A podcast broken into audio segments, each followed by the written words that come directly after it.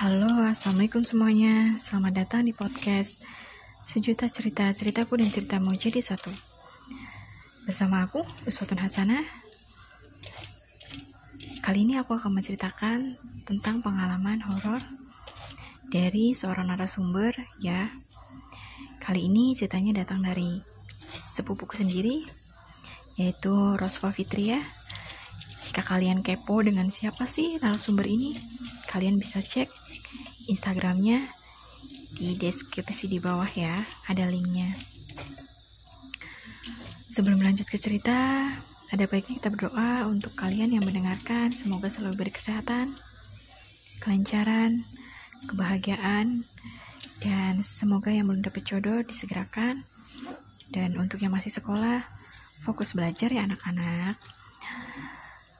Oke, sebelum lanjut, kalian lebih baik siapkan headset dan jangan dengerin sendirian.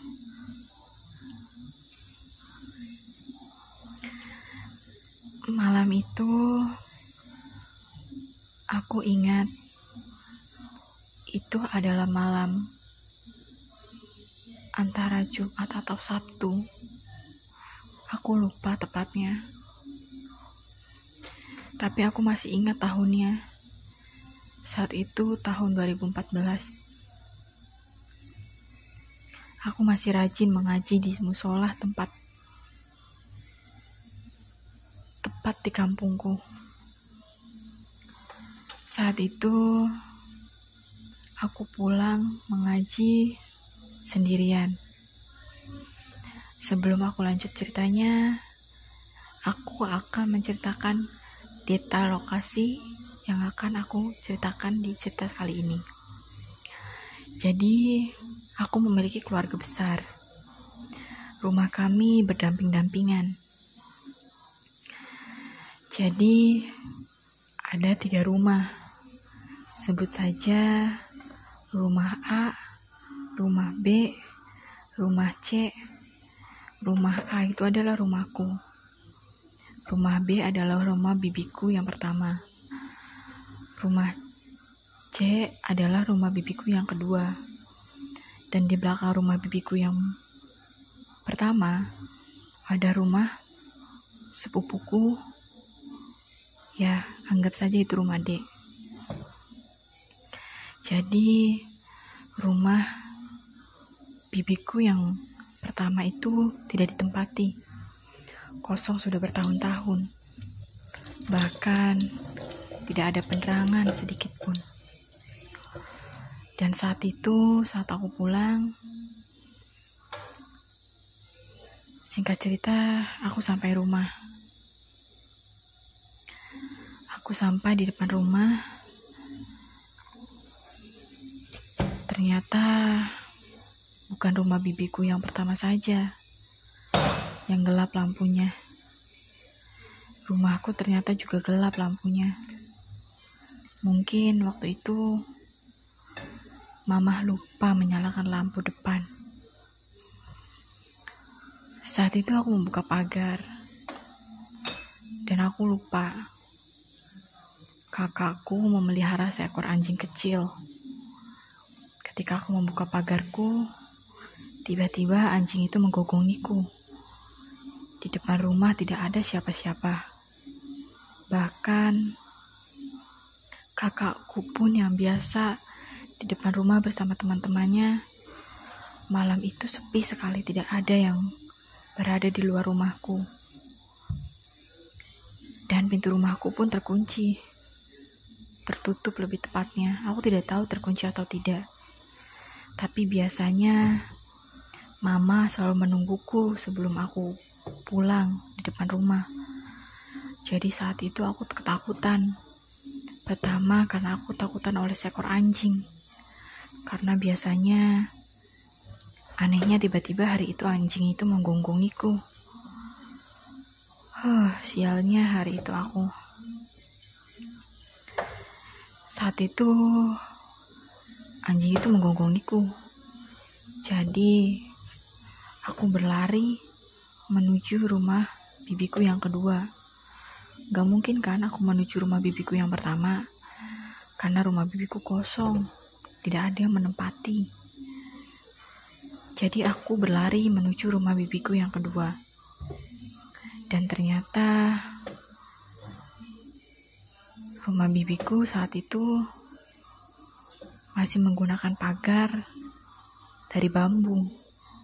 Jadi ketika kita membuka pintu pagarnya, kita harus mengangkat sedikit si pintu dari bambu ini.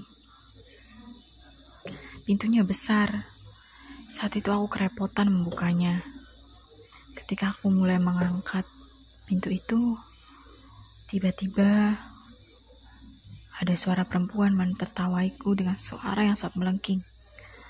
Begitu keras. Dan aku menyadari bahwa suara itu terdengar dari balik pohon pisang yang berada di depan rumah bibiku. Jadi di depan rumah bibiku itu terdapat sungai dan pohon pisang banyak dan pohon pohon kersem juga. Di kampungku namanya pohon kersem. Aku tidak tahu di kampung kalian namanya apa.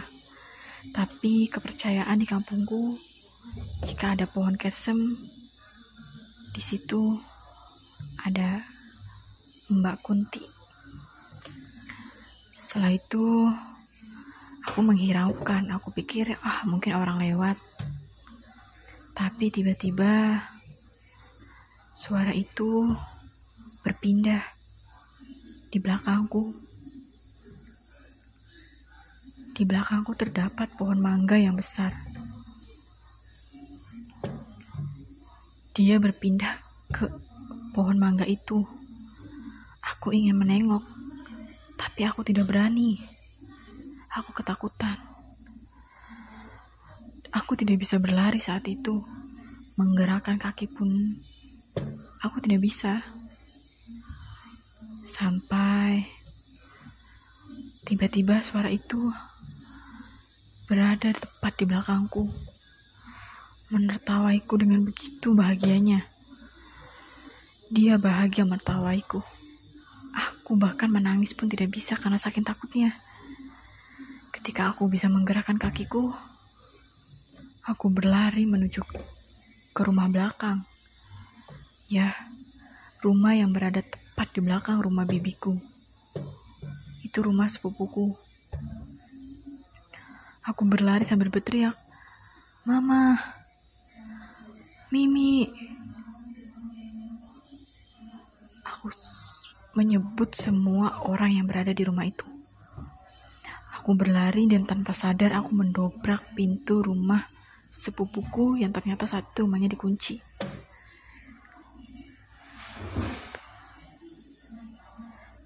Pintu yang memiliki dua pintu, aku membukanya dengan begitu kencang sampai Pintu yang dikunci pun terdobrak. Aku tidak bisa menangis dan hanya mengatakan, ada yang mau tertawaiku di balik pohon pisang. Sepupuku menengok keluar rumah. Tidak ada apa-apa. Ya udah, lebih baik kamu minum air putih dulu. Saat itu aku tidak bisa menangis. Aku hanya ketakutan, badanku gemetar.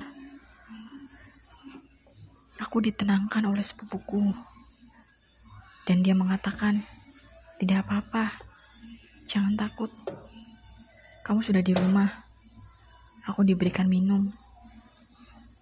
Dan aku tidak berani pulang. Saat itu aku minta diantarkan oleh pamanku. Ya,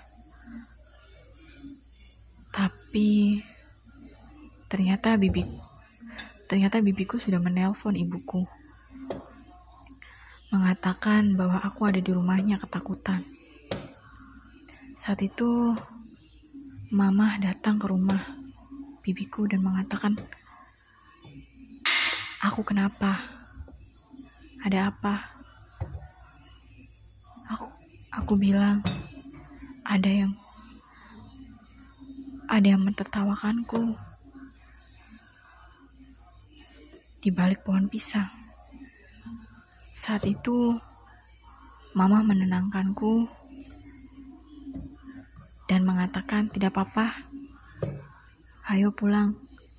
Tapi karena saat itu aku masih kecil dan sangat trauma, aku tidak berani pulang lewat situ.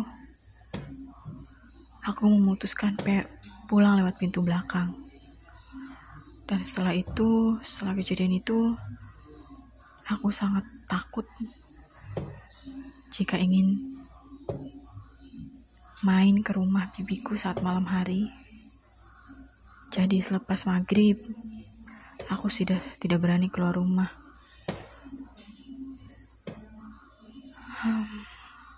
Dan setelah itu, trauma aku masih berlanjut.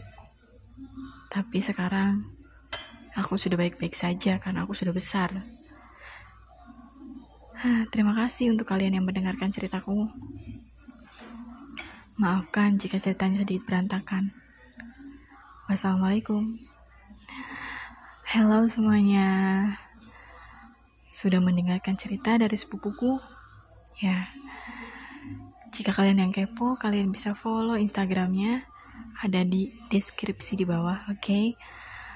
Eh, jadi intinya pelajaran yang kita ambil dari cerita ini jangan biarkan adik anak kalian pulang ngaji sendirian malam-malam. Tunggulah di depan rumah atau menjemputnya di musola. Karena kita tidak tahu apa yang akan terjadi. Setan tidak akan setan tidak akan menyentuhnya. Tapi jika orang jahat, kita bisa apa? Karena menurut Risa dan menurut Sarah Wijayanto, manusia lebih kejam dari setan. Oke, okay, bye-bye. Jangan lupa like, komen, dan subscribe, subscribe, apalagi share di semua sosial media kamu. Bye bye.